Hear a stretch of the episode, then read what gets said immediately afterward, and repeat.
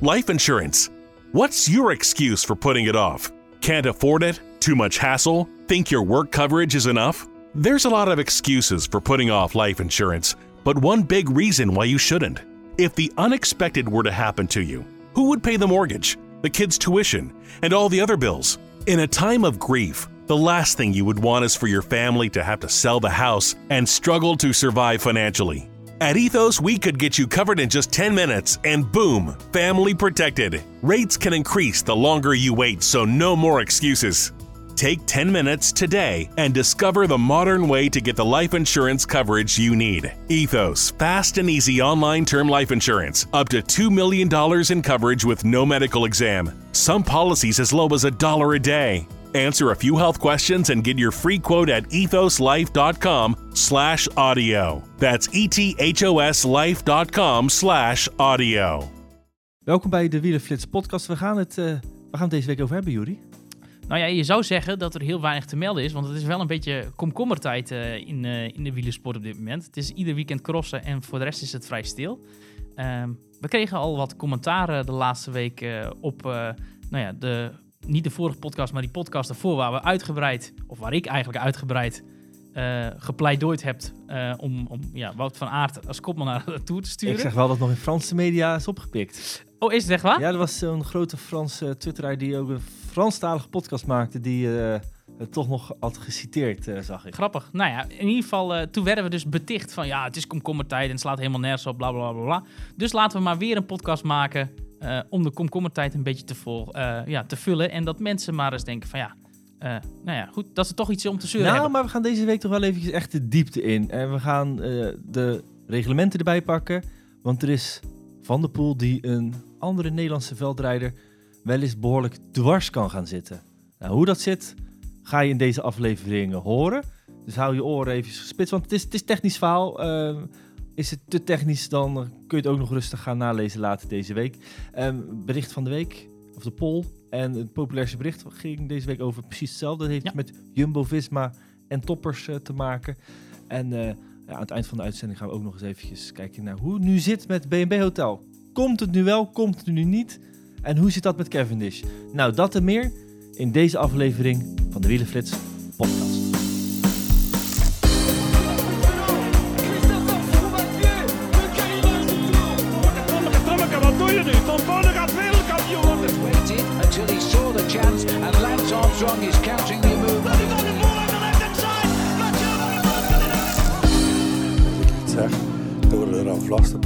Dan staat morgen wielenflits.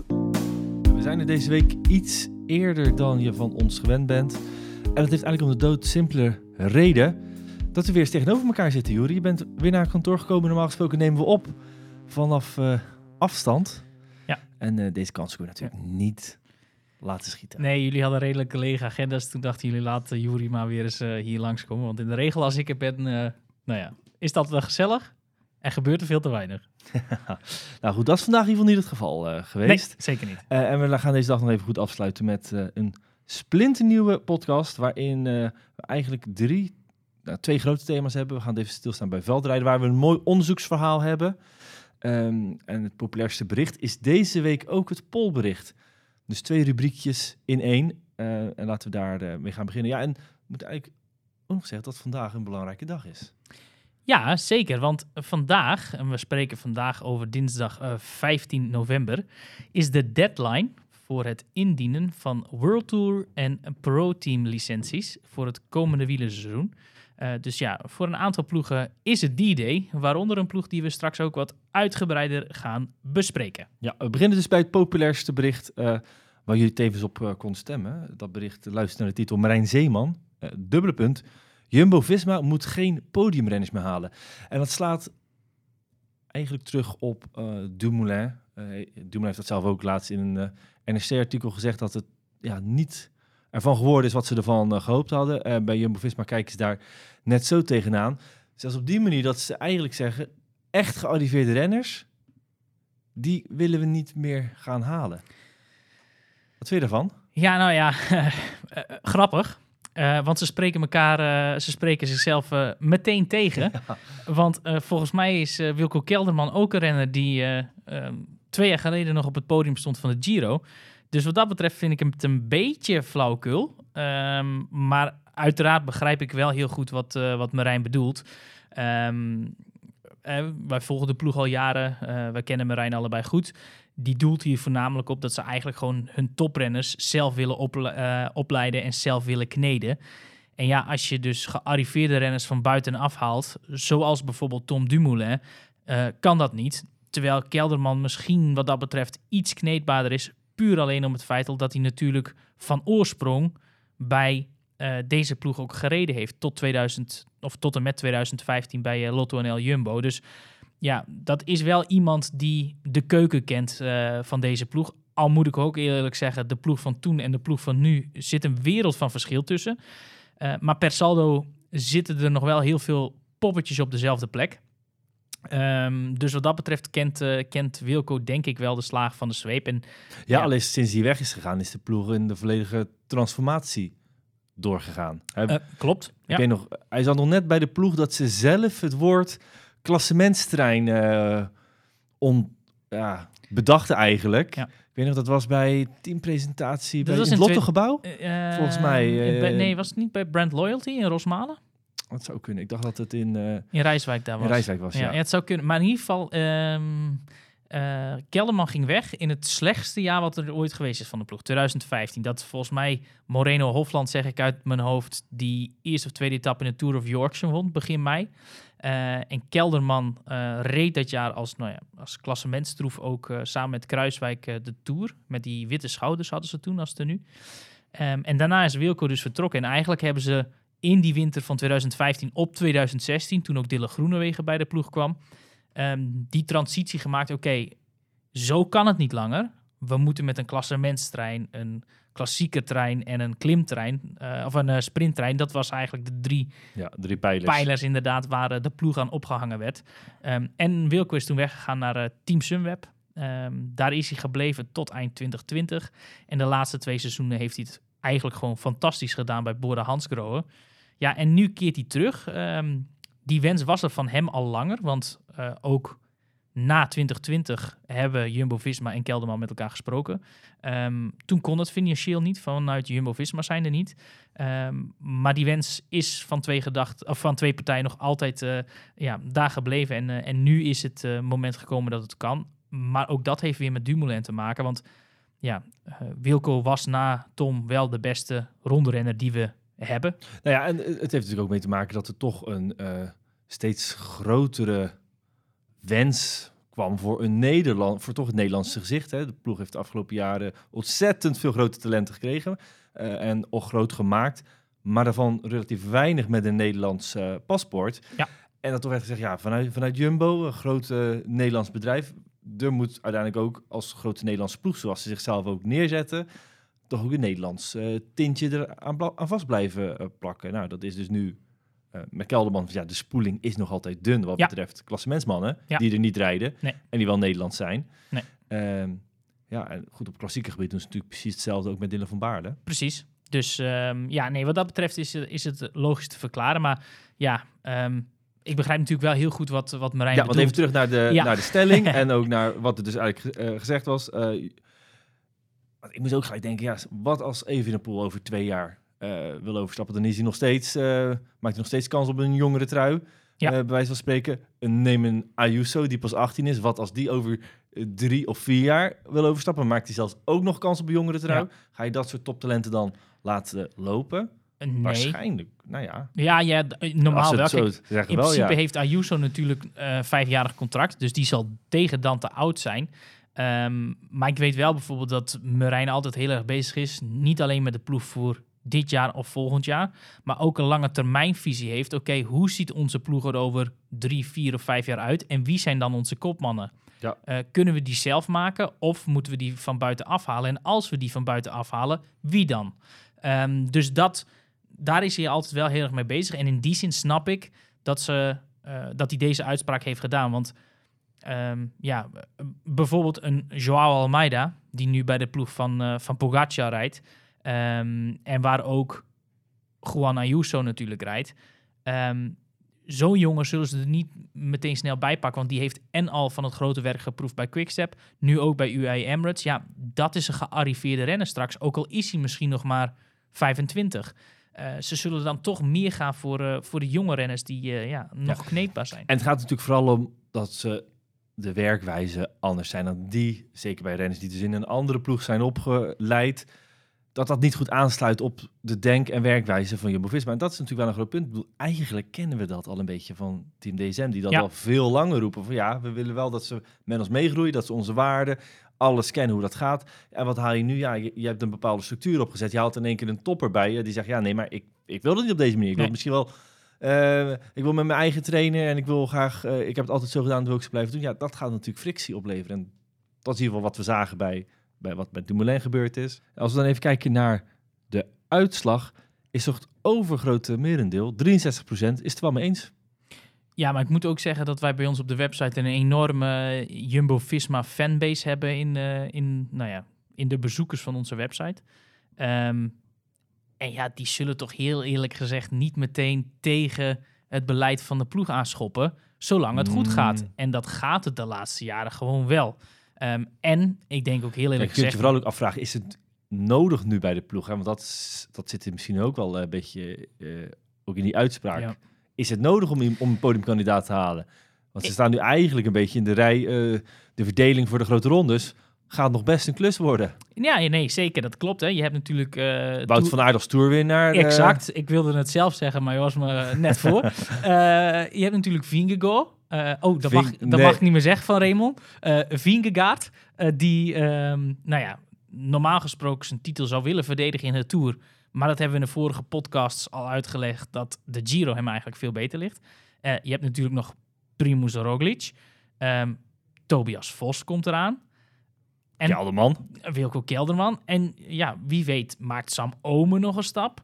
Ehm, besluit ze om toch maar een keer Sepp Koes te proberen als, als kopman in een grote ronde. Ja, dan zitten alle schepen best wel snel vol.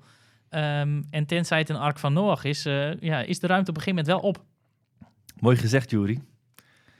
Dus ehm, om dit punt te besluiten, wat is jouw stelling erin?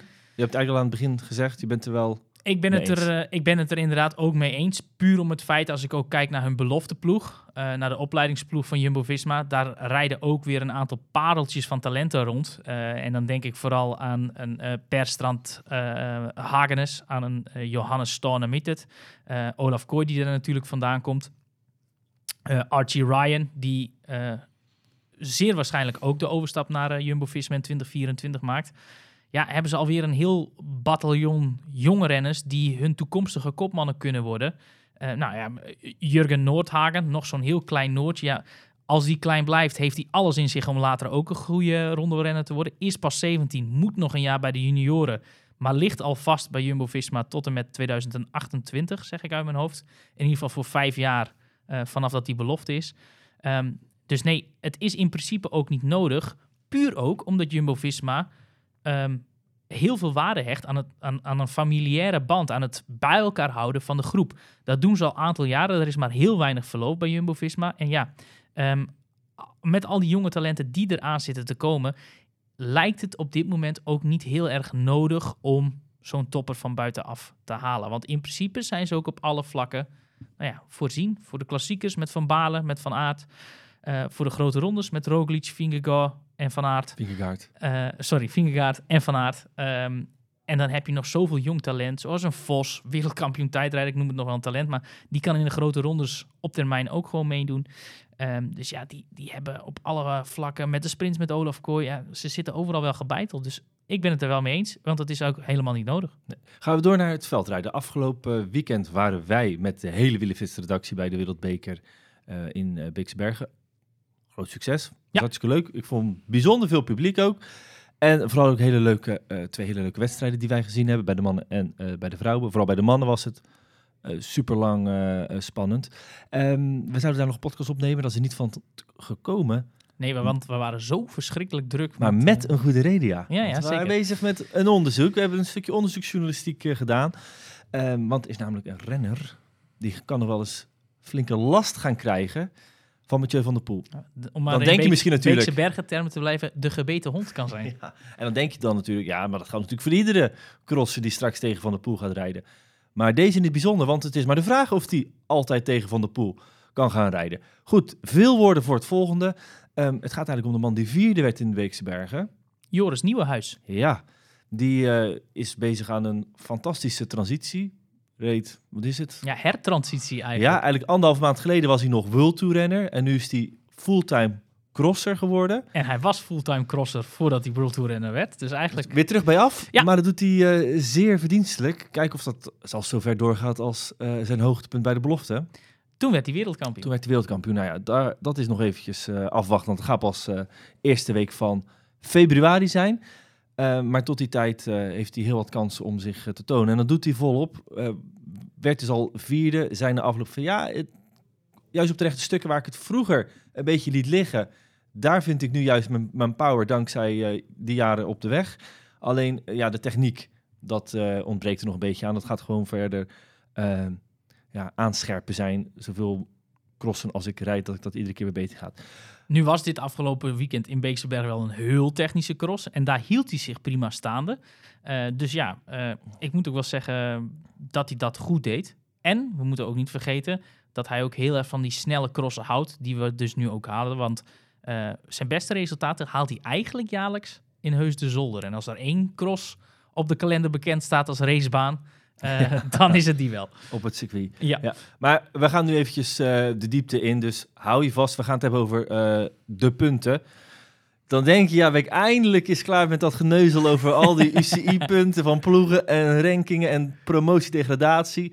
Gaan ze weer over punten beginnen? Sorry, dat is zo, maar we moeten het over hebben, want het is, het is echt wel relevant en ook interessant.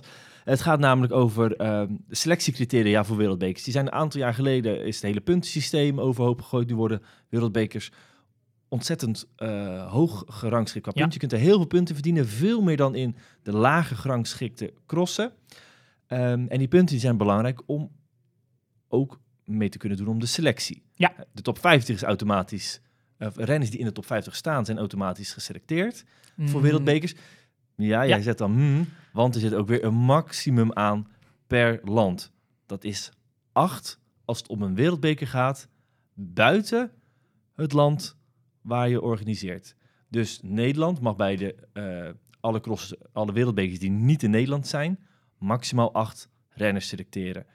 Een wereldbeker in Nederland, dus Beekse Bergen, dus Hulst en normaliter ook eh, Rukve of of Hogerheide. Hogerheide, Ja. Zouden ze dan eh, meer, eh, meer mogen eh, doen. Maar nu gaat het erom dat Van der Poel terug gaat keren in de cross. Na er zijn aanwijzingen dat dat in Hulst gaat zijn en dat hij vanaf Hulst het gaat, het gaat oppikken en dan ook naar, nou ja, wat is dat, Antwerpen, Ja. nou ja, misschien zelfs naar, naar, naar Italië, Dublin en Ja. de hele de hele reeks mikmak, ja. de hele mix gaat doen.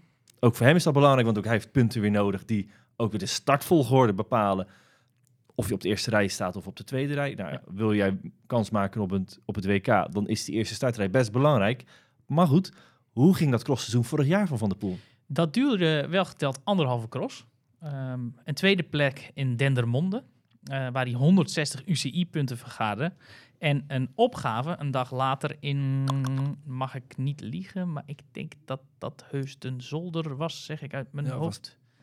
Of was het andersom? Een momentje, ik ga dat meteen even opsnorren. Maar de conclusie is in ieder geval wel dat hij bijzonder weinig punten pakte. Klopt. En nu dus ook volle bak aan de bak moet om punten te gaan sprokkelen. Om straks eh, in zijn Hogerheide Ja. op de eerste startrij te mogen staan. Ja. Maar nu is de situatie, zowel Nieuwenhuis, die hartstikke goed bezig is, als Van der Poel staan dus niet in die top 50. Nee. Moeten dus in aanmerking komen voor een aanwijsplek van de bondscoach. Ja. Maar ja, die heeft er maar één. Klopt. Ehm, als een heel technisch verhaal kort uitgelegd. Voor iedere wereldbeker moet de bondscoach kijken naar de ranking van anderhalve week daarvoor. Dus als voorbeeld. ehm, Hulst is niet komend weekend, maar het weekend erop. Voor die selectie moet hij kijken naar de ranking die vandaag, dinsdag 15 november, gepubliceerd is. Voor een week later in Antwerpen geldt dat voor 22 november. Voor die week daarna voor 29 november, et cetera, et cetera. Dus eigenlijk moet je anderhalve week terugkijken. Dus voor de selectie van Hulst, als dat geen Nederlandse selectie was geweest, want daarbij is dus weer de uitstand. Wacht, we gaan opnieuw. We pakken Antwerpen als leidraad. Mocht Van der Poel daar starten en mocht Nieuwenhuis volgende week op 22 november nog niet in de top 50 staan van de UCI-ranking, dan heeft Nieuwenhuis een probleem, want de bondscoach heeft gezegd: ik zal altijd Van der Poel selecteren wanneer hij besluit terug te keren. Ja, en daar kunnen we van alles van vinden, maar dat is behoorlijk Volledig te begrijpen. terecht, denk Ja. ik. Ja, want dat is natuurlijk de viervoudig wereldkampioen. Punt is, ehm, wat je net ook al aanhaalde, in die wereldbekers kun je verreweg de meeste UCI-punten halen. Een zege betekent 200 UCI-punten. Een zege in een superprestige of een X2O-cross eh, is gecategoriseerd als een C1-cross, levert maar 80 UCI-punten op. Een nationale of Europese titel levert 100 punten op. Dus ja, dat geeft maar aan hoe belangrijk die wereldbeker is. Maar als je daar dus niet meedoet, kun je ook in het achterveld niet, nou ja, zeg maar nog een hele hoop punten verzamelen. Dus ehm, als je niet meekomt in die wereldbekercyclus, is het eigenlijk een beetje een vicieuze cirkel. Want dan moet je wel heel veel kleine crossjes gaan winnen, wil je hetzelfde puntenaantal ehm, ja, pakken. Ehm, en dus, als Van der Poel dus zijn entree maakt eh, in Hulst, voor Hulst, voor de duidelijkheid, is dat nog geen probleem. Want in Hulst, omdat Nederland het organiserende land is, mag je vier extra renners aanmerken. Plus nog twee extra beloften. Dus in totaal mag Nederland daar met 14 renners starten.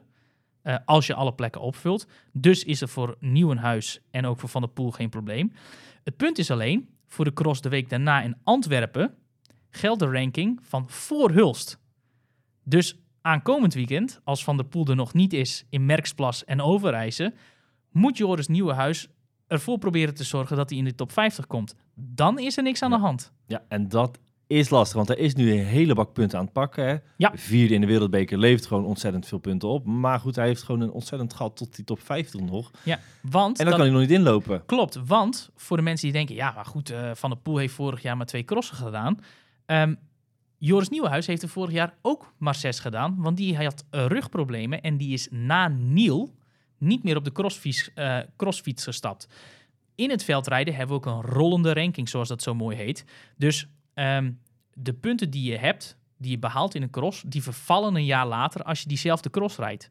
Dus wat eigenlijk het, het punt is, Joris Nieuwenhuis stond tussen aanhalingstekens, na eh, afgelopen weekend weer op nul. Want hij heeft daarna niks gereden. Dus alles wat hij nu pakt, is extra. Terwijl andere renners moeten wel eh, het gelijke resultaat of een beter resultaat neerzetten om hetzelfde puntenaantal te pakken. Ja, en het voordeel nog gaat zijn is dat ook de verwachting is dat, nou, waarschijnlijk net als Van Aert, net als eh, ehm, Van der Poel, dus mogelijk Zolen en ook Dublin niet heel populair zijn. Het is natuurlijk ver weg, moet je gaan vliegen, dat ze die gaan, gaan overslaan. En in het geval dat Van der Poel dat doet, komt die aanwijsplek weer in zicht.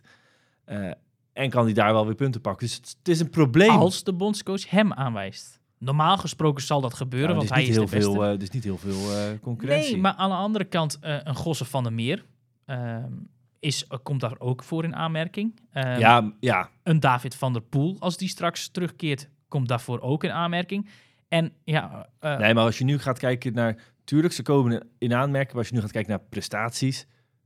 is er één iemand die daar nu eh, voor in aanmerking zou komen. klopt. Maar de bondscoach hanteert altijd wel een roulatieplek.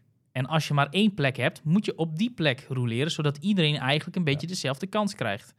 Ehm, het is voor Joris Nieuwenhuis gewoon zaak om zo snel mogelijk Ja. in die top 50 te komen, zodat hij eigenlijk eh, automatisch Nee, maar, mocht, Ehm. maar mocht hij naar, eh, toch naar Val Sole gaan... ook naar Dublin gaan en daar punten pakken... Ja, daarna, met alle cross die er tussenin zitten... en hij heeft geen punten die hij verliest... Nee, gaat die top 50 wel heel snel haalbaar worden. in principe wel. Maar en, en vervolgens kan de knecht ook weer die relatieplek gaan eh, bieden. Ja, alleen dan is het vervolgens ook het geval. Als Van der Poel in één keer wint in Hulst en in Antwerpen, heeft hij 400 punten. Nieuwenhuis heeft er op dit moment nog geen 200. Eh, Van der Poel komt dan automatisch die top 50 binnen. En dus ja, ehm, blijft Nieuwenhuis een beetje op die aanwijsplek zitten. Als hij zelf niet Ja. in die top 50 komt. En als je dus geen wereldbekers rijdt. Hè, neem bijvoorbeeld zijn vierde plek in, ehm, op het EK. Ehm, ja, dat is gewoon maar. Dan zal ik hem er even bij pakken. Dan is dat maar 30 punten. Ja. Terwijl hij in Maasmechelen 11e werd, de wereldbeker. En dat levert al 58 punten op. Dat is het, het verschil. Als je dus ver in de achterhoede eindigt in een wereldbeker, pak je gewoon meer punten dan eh, in, een, eh, eh, ja, in een kampioenschap of in dus de andere klassementscrossen. Ja, maar als we even gaan kijken naar eh, de huidige top 8 eigenlijk. Lars van Haar, vierde. Op de veertiende plek Pim Ronhaar. 18e Corné van Kessel. 24 Mees Hendricks. 25 Rijn Kamp. eh, 36 Stan Godry. 47 Luc Verburg. Dat is nu de ren Nederlands die binnen de top eh, 50 staan. En dan heb je Luc Verburg, die heeft 368 punten op dit moment. Ja. Waarvan punten nog gaan eh, vervallen. Maar goed, daar gaat ook nog natuurlijk nog wel punten pakken. Ja. Maar dat gaat, zijn we die top 50 binnenkomen, gaat op zich, eh, zal niet heel lang gaan duren. Stan Godry heeft 445 punten.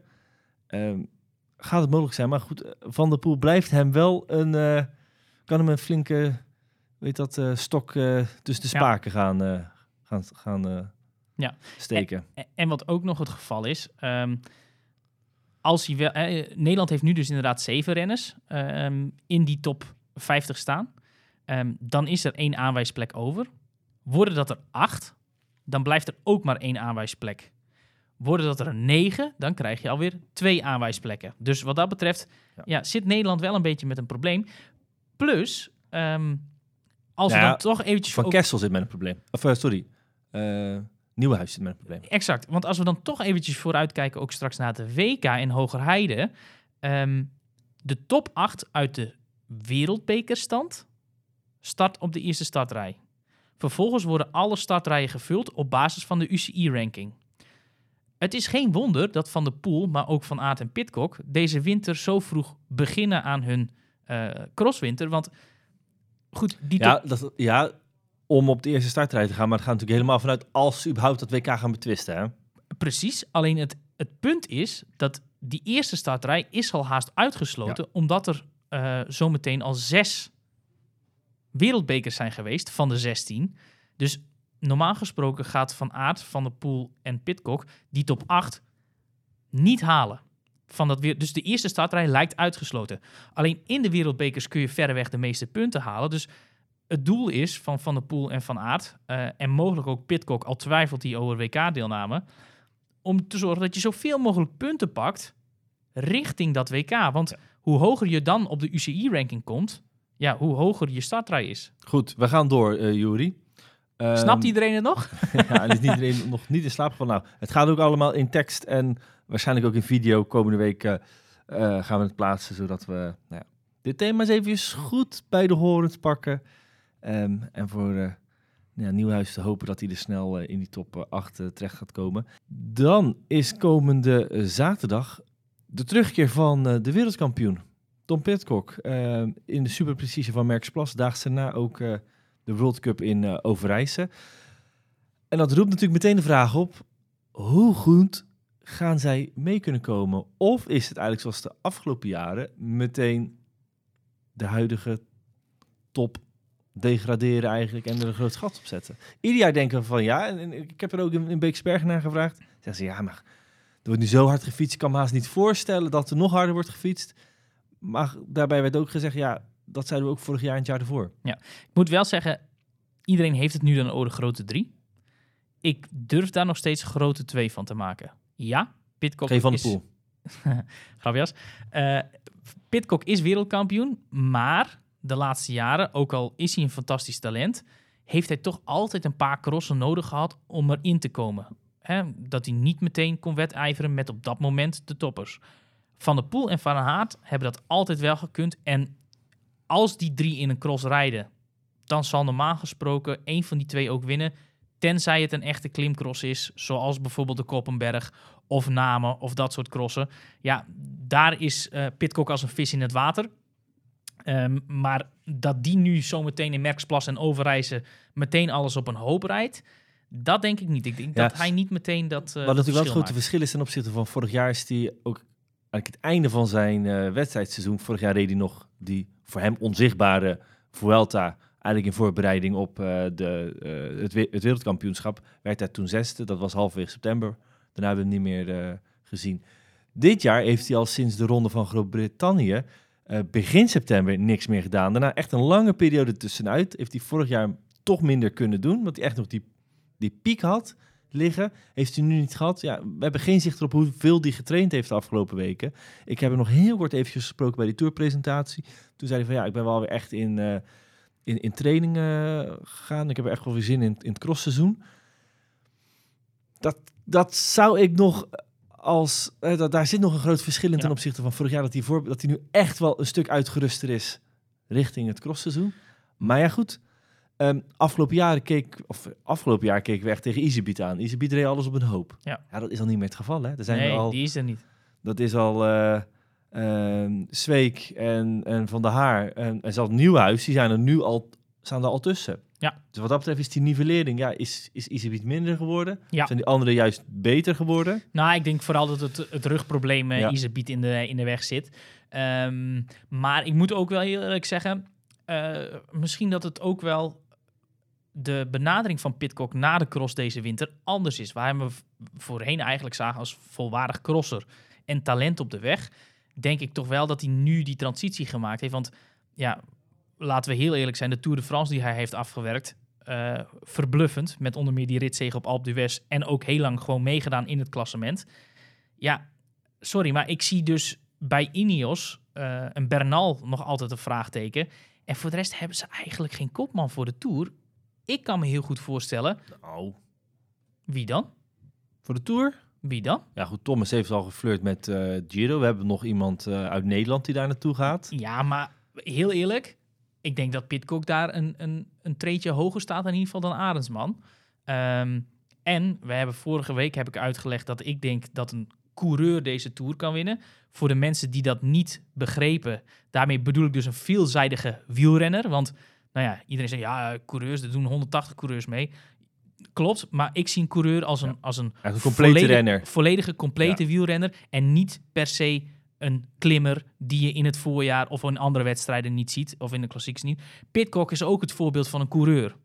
Die ook in deze komende Tour, meer nog dan Bernal, de kopman zou kunnen zijn bij Ineos. Ehm, ik kan me heel goed voorstellen dat hij deze crosswinter ziet als opbouw naar het wegseizoen. En, en dat hij ook Ja, twijfelt ik- over een ja. WK-deelname, vind ik, dat is een, een, een reden voor mij om te zeggen, oké, hij gaat dit puur, hij gaat niet op zijn best zijn deze Ja, het speelt winter. ook wel mee dat het WK dit jaar een week later is, hè? Ja. Dus ook, het, ook richting die klassiekers is het ook wel weer heel erg eh, krap. Het wordt nu wel echt spannend. Gaan die gasten wel naar eh, Omloop het Nieuwsblad kunnen gaan? Dat is eigenlijk de volgende vraag. Dat openingsweekend van, eh van Aert heeft hem al een keer, heeft hem eh, natuurlijk afgelopen jaar gewonnen, Nieuwsblad.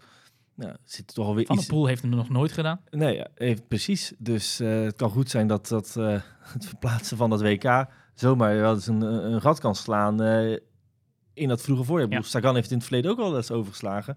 Eh, Pedersen dit jaar in de hoop eh, wat Ja. later goed te zijn.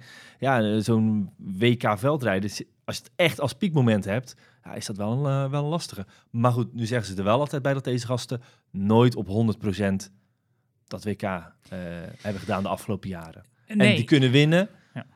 op 80% van ja, de, de, Ja. de cross-concurrentie. Kijk, eh, in principe gaat het ook voor Van Aert en Van der Poel zo zijn. Dat deze, die zijn ook niet volwaardig crosser. Maar die hebben wel dermate veel leverage in het veldrijden. Dat je die, vind ik, wel als, als, als crossers moet bestempelen. Maar Pitcock is voor mij nu meer wegrenner dan crosser. En het zijn die Ja, andere twee goed, ook. Oké, maar dan heb ik het nog even goed. Uh, Pitcock ga ik je mee dat dat... eh, je ziet het nu ook bij Marianne Vos. Dat kunnen we niet, niet helemaal vergelijken, maar die heeft ook echt eventjes nodig om eh, de aansluiting eh, te vinden. Eh Pitcock hebben we dat natuurlijk in het verleden al gezien, maar bij Van Aert en Van der Poel natuurlijk wel. Starten, winnen. Ja, gaat nu ook gebeuren. Hebben we weer eentje? Ja, maar dat gaat nu ook gebeuren. Want die hebben zoveel klassen meer, met alle respect, dan die andere jongens. Ja. Ik, Kijk, bij Van Aert ga ik er ook in mee, maar bij Van der Poel is natuurlijk ook... we memoreerden het eh, zondag het er eh, aan tafel nog eens over. En we willen ook nog maar eens zien dat hij echt helemaal terugkeert. Ja, maar dan gaat... dat, als je Ja, en dan kom je, goed, in de cross kom je dan ook nog, ook hij op 80% ermee weg. Eh, maar ja, dan stuit hij wel op een, eh, op een Van Aert. Ja, maar ik vind het heel gek dat we twijfelen aan, aan Van der Poel. Ook als, als in de wegrenner Van der Poel. Want die zit tot diep in februari en misschien wel maart met een echt een serieus rugprobleem. Met een halfbakken voorbereiding begint hij in Milaan-San Remo. Wordt hij meteen derde.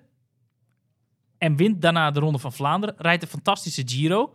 Komt vervolgens inderdaad door die mindere winter, door een eh, eh, lagere basis zichzelf tegen in de Tour. Maar ik heb me ook laten vertellen dat Van der Poel in het najaar misschien wel zijn beste vorm ooit benaderde. En ja, komt dat voorval er niet op het WK op de weg, nou, is laten we dit zeggen, helemaal geen issue. Ja, maar als we al gaan, teruggaan naar de Grand Prix de Wallonie, won die wel. Maar ik denk me nog te herinneren van, van jouw woorden van dit, eh, misschien nog nooit zo kapot over de finish zien komen. Nee, dat klopt. In, je, in, je, in je wondervorm fluit je daar zo eh, naar de zegen. Misschien. Maar ik, ik, ik vind gewoon de, de reden die er is om te twijfelen aan de renner van de Poel, die dan met een halfbakken rug wel een monument wint. Van Pogacar en eh, twee andere wereldkleppers die daar aansluiten. Ik snap dat niet zo goed. Ja, daar, heb je, daar heb je op zich wel een punt. Ehm, het is mooi. En het is niet alleen richting jou, want ik lees en hoor het overal. Van, ja goed, misschien is dat ook wel een beetje eh, het trucje van de, Ja, van de media, nee, waar nee, wij nee, voor zijn. Maar, Maar goed, het is natuurlijk het is zijn zwakke punt, die rug. En, en de cross is een totaal andere inspanning. Ik, komt die rug veel meer, wordt veel meer aangesproken dan in de, dan, dan in de wegraces. Ja, dus oké, we moeten dat misschien afwachten. Maar ik heb geen reden om, om daarover te twijfelen. Eh, puur omdat de jaren daarvoor, eh, ja, was dat probleem er ook. In mindere mate weliswaar, maar was het geen probleem, omdat hij toen, nou ja, gewoon ieder weekend, week uit bij de eerste twee zat. Ik, eh, gaan we voordat we dit onderwerp afsluiten even een blik in de, in de glazen bol. Hm. Wie van de twee gaat dan beter zijn? Eh, ja, dat vind ik lastig. In de zware crossen, zoals voorheen, zal Van Aert eh, het sneller halen dan, dan Van der Poel, normaal gezien. En die zal weer op de technische, snellere omlopen eh, vaker de maat nemen van Van Aert, verwacht ik. Ja. Ik verwacht niet dat er heel veel veranderd is ten opzichte van twee jaar geleden. Ah, Jullie we zijn het eens. Nou. Met deze voorspelling dan. Hè? We gaan- en het is, nee, we, we gaan, en het is goed dat we binnen twee weken weten hoe het ervoor gaat zijn. Ik ben heel benieuwd hoe dat, hoe dat gaat zijn. Ik vind ook het wel weer een beetje vervelend is voor de huidige crossers. Want die gaan alleen maar horen van ja, wat gaat er gebeuren als ze straks terug zijn. En dan worden ze echt letterlijk een beetje naar het tweede plan geschoven. Ja. Maar goed, dat is wel de realiteit.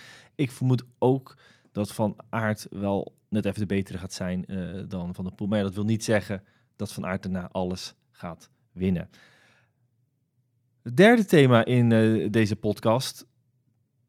Schuiven, scharen we dit onder nog meer regels? Nee, toch? Nee. Nee, nee, nee. nee, nee. Het gaat wel over, gaat wel over licenties. Ja. Eh, maar daar kunnen we heel kort over zijn. Vandaag is dus deadline day voor de, de oudste deadline day voor de ploegen. Ehm, en dan hebben, moeten we het vooral even hebben over eh, B&B Hotel. Is al vaker ter sprake gekomen de afgelopen weken. De ploeg wil een flinke stap omhoog zetten. Ja. Maar er zijn toch wat eh, donkere wolken boven de Parijse ploeg samengekomen. Want ja, er is nog altijd geen groen licht. Vorige week memoreerden we het al, persconferenties afgezegd. Ehm Cavendish is nog altijd niet officieel aangekondigd. Hebben we zelfs zien flirten met Israël. Wat klopt daarvan? Nou, deze week is wel... We kunnen het toch op, eh, opvatten als een, klein, eh, als een klein signaal... dat de ploeg in ieder geval naar buiten treedt. Intern dan wel. Ik weet niet of je dan naar buiten kan treden als je dat eh Nee. een petit comité doet. Ja. Nou, laten we gewoon zeggen dat ze, Man en paard noemen, Maxim. dat ze, dat ze intern Ik ben benieuwd. gaan. Nee, nee, nee. We, dat, ze, dat, ze, ja, dat ze vanuit de ploeg wel communiceren richting bepaalde partijen in de, de wielersport. eh, en daar Cavendish in de selectie benoemen. Hoor ik hier nu nieuws? Is de kogel door de kerk? Nou ja, daar lijkt het wel op. Ik bedoel, het is niet eh, de volle bevestiging. Maar ja, vanuit de ploeg wordt gecommuniceerd dat Cavendish een van hun renners is.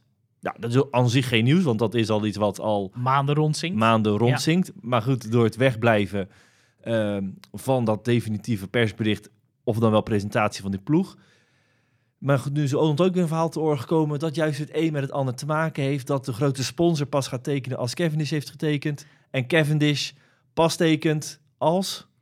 De grote sponsor heeft getekend. Ja, dus dan krijg je een beetje een... eh, de vicieuze ja, cirkel die de- Nieuwenhuis ook... eh, de hond die achter ja. zijn eigen staart Ja. aan, eh aanrent. Maar er lijkt het nu kogel door de kerk. En ook bij, ja, weer van andere hoeken, toch te horen dat daar wel nog wat onzekerheid is, maar er weinig zorgen Klopt. Eh, maar ik moet ook zeggen, ik heb dit weekend ook weer twee verhalen gehoord van twee eh, onafhankelijke bronnen. Ehm, dat er genoeg geld zou zijn om de huidige ploeg overeind te houden. En dat vooral de jongens ehm, die een nieuw contract getekend hebben, zich zorgen moeten maken. Ehm, dat is niet alleen Cavendish, maar dat zijn bijvoorbeeld ook Kees Bol en Ramon Sinkeldam. Ehm, dat daar dus een, een, een kwinkslag ligt. Nou ja, goed, dat kan natuurlijk. Alleen ook Luca Mozzato, nu sprinter van B&B Hotels, zei tegen Italiaanse media dit weekend hetzelfde. Ehm, in het slechtste geval gaan we verder in de huidige ploeg. En dat is voor mij niet slecht. Dat klopt, want dan komt Cavendish er niet bij en Bol ook niet. En kan Mozzato zelf blijven sprinten. Ehm, dus wat dat betreft ben ik wel heel nieuwsgierig eh, hoe het komt. Ehm, maar anderzijds, eh, als ik jouw informatie eh, geloven moet, is dat allemaal niet aan de orde en is er gewoon gecommuniceerd. Ja, in het andere hoek heb ik alweer vernomen dat er tickets voor de trainingskampen al geboekt zijn. Ook voor de nieuwe renners. Ja, goed, dat kan natuurlijk ook... eh, hoef, dat, dat hoeft niet alles te zeggen. Dat is zeker geen bevestiging van... Hey, het is allemaal uh, pijs en vree en het gaat door. Eh, en over die Nederlandse renners, daarvan in ieder geval al vernomen dat die zich geen heel grote zorgen hoeft te Nee. maken. In ieder geval of ze profielrenner blijven. Want daar zou dan... Daar is nog interesse in van andere ploegen. Maar goed, ja. de reden dat ze naar Frankrijk trekken... Of een van de redenen dat ze naar Frankrijk trekken... is ook omdat er... eh, nou, met een eh, mooi salarisvoorstel is eh, zijn gekomen. Ja. Ja. dat ga je deze fase van het, van het jaar niet zo snel meer vinden. Nee, dat klopt. Eh, en moet- heel veel wulterploegen zitten gewoon al vol. Ja, dus eh, dat is wel een, een, een dingetje inderdaad. Eh, maar aan de andere kant krijg ik toch wel steeds meer signalen dat het toch wel goed komt daar bij BNB. En eh, dat die gewoon een eh pro-team licentie voor, voor volgend jaar eh, krijgen. Eh, net als de 14 ploegen die dat ook hebben aangevraagd. Eh, die nu bekend zijn, of het zijn er intussen 15 met Human eh, Powered Health erbij. Ehm, plus nog de drie ploegen die hè, in totaal hebben 21 ploegen een World Tour licentie aangevraagd voor 18 plekken. Dus daar zullen ook nog eh, drie plekken bij komen. Nou, dan komen we ondertussen denk ik op 19 pro-teams als iedereen hem krijgt. Ja. Ja, ja. Eh, en een daarvan, da- daar wil jij nog eventjes wat... Want er zit een mooi verhaal achter. Een van de ploegen die World Tour eh, licentie heeft aangevraagd is, is Uno X, de Noorse ploeg. En Ja. dan zou je gevraagd, van, ja, wat moet, waarom willen die World Tour worden? Ja. Nou, daar blijkt toch wel een... Niet zomaar eventjes, hè, geen, geen, geen beat-praktijk of vroeger Nee. als de rijken van... hey, we willen pro-team worden en ieder jaar hetzelfde doen... en het vervolgens nooit daadwerkelijk eh, de daad bij het woord voegen. Ja. Maar bij Uno X zit dat wel ietsje anders. Ja, nou, dat, ik vind het dus een ehm, zeer interessante ploeg. Want bij Uno X, da, Daar zijn natuurlijk heel veel talentjes, heel veel stokpaardjes. ook inderdaad, maar daar denken ze wel heel goed na over hoe ze die ploeg neerzetten. En hebben een hele goede lange termijn eh, visie, vind ik. Ehm, en ja, goed, je zou kunnen zeggen, op basis van het promotie- en degradatiesysteem, dus de sportieve gronden, de sportieve criteria, zijn zij als eh 21ste, of als, ja, als 21ste geëindigd. Of misschien zelfs als 22ste, pin me daar niet op vast. En zouden ze dus, als 22ste is het overigens, zouden ze daar dus eh, geen kans op maken. Dus ik heb bij Jens Hougland, de teammanager, eh neergelegd van ja, hoe zit het nu? Waarom doen jullie die aanvraag met de terwijl jullie weten dat dat eigenlijk niks wordt? Dus, nou ja, daar heeft hij best wel een heel inter... En dat vind ik dus... Zij denken heel anders na dan wanneer je gewoon eh, blanco eigenlijk naar die ranking kijkt en zegt, ja oké, we hebben geen kans. Hij zegt dus, als je dus niet op de deur klopt, laat sowieso niemand je binnen. Dat hebben we nu gedaan. Bovendien zegt hij, is het ook een belangrijk signaal. Wij hebben geen negatieve eh, zaken te melden. Ehm, we hebben een, een, een robuuste economie. Ehm, we hebben eigenlijk alles in huis om die World Tour licentie eh, ja, binnen te halen. We hebben een eigen Op één ding na. Precies, maar dat, daar kom ik zo nog wel op. We hebben een eigen, unieke Scandinavische identiteit. Ehm, en, zegt hij, je moet wel er rekening mee houden dat er vier criteria zijn. Eén is de sportieve gronden. Ja, daarop maken we geen kans.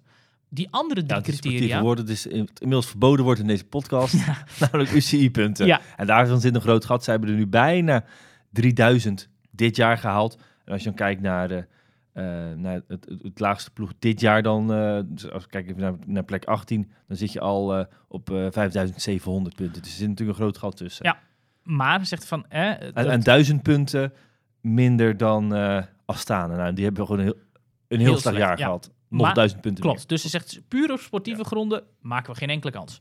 Maar er zijn nog drie criteria. En ook andere ploegen die wel aan de sportieve criteria voldoen, die moeten ook aan de administratieve criteria, aan de financiële criteria en aan de ethische criteria voldoen. Ehm. En daar is weer de vraag of Astana zich daar precies, want die hebben natuurlijk een dopinggeval gehad dit jaar. Nou ja, En er is dat hele onderzoek op financiële gronden naar eh, Alexander Vinokurov. Maar goed, ook Lotto Soudal en Israel Premier Tech hebben die licentie aangevraagd. En die staan in die sportieve waarden natuurlijk nog boven eh dingen. Maar goed, lang verhaal kort.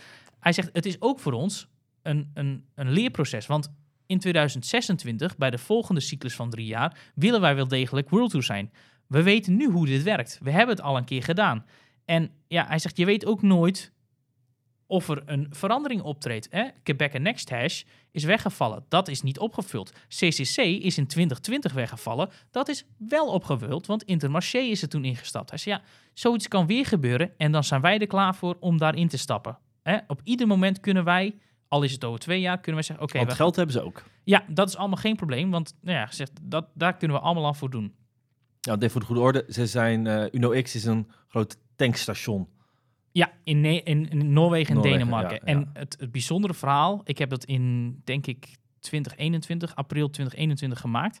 Ehm, zij hebben dus Ajax, de voetbalclub Ajax, als voorbeeld. Als in hoe zij willen met een eigen identiteit, met een eigen school eigenlijk. Ehm, Hoop ik alleen wel wat betere prestaties dan nu. nou ja, die waren destijds heel, eh, heel aardig. Ehm, maar willen zij eigenlijk de wereld eh, gaan veroveren met hun eigen plan? Ehm, het, eh, het bedrijf UnoX is de enige sponsor van die ploeg. Als in oh, naamgevende sponsor. Het grappige is dat Heeft de die... teammanager haar? eh, ja, Oh, toch wel. Dus ook daar wel geen overeenkomst met Nee. alle voorgaande trainers Nee, nee, nee, Ajax. nee, nee, klopt. Dus scherp, ik moest erover nadenken. Eh, Jens is naast teammanager van UnoX ook de CEO van het bedrijf UnoX, van dus de onbemande tankstations. Zij hebben dus een marketingbudget die ze nergens anders voor inzetten. De, het volle 100% van het marketingbudget gaat naar de wielenploeg. Maar geen tv-reclames, Nee, geen het enige- Facebook-campaigns. Het enige wat ze ook nog doen is eh, First Cycling. De Noorse variant op Pro Cycling Stats. Wat bij de mensen, meeste mensen wel bekend wordt. Al moet ik zeggen dat First Cycling ook steeds bekender wordt. Ehm, maar daar is hij dus ook ehm, bij betrokken. Ehm, maar zij hebben dus ja, een gewoon een heel goed plan bedacht.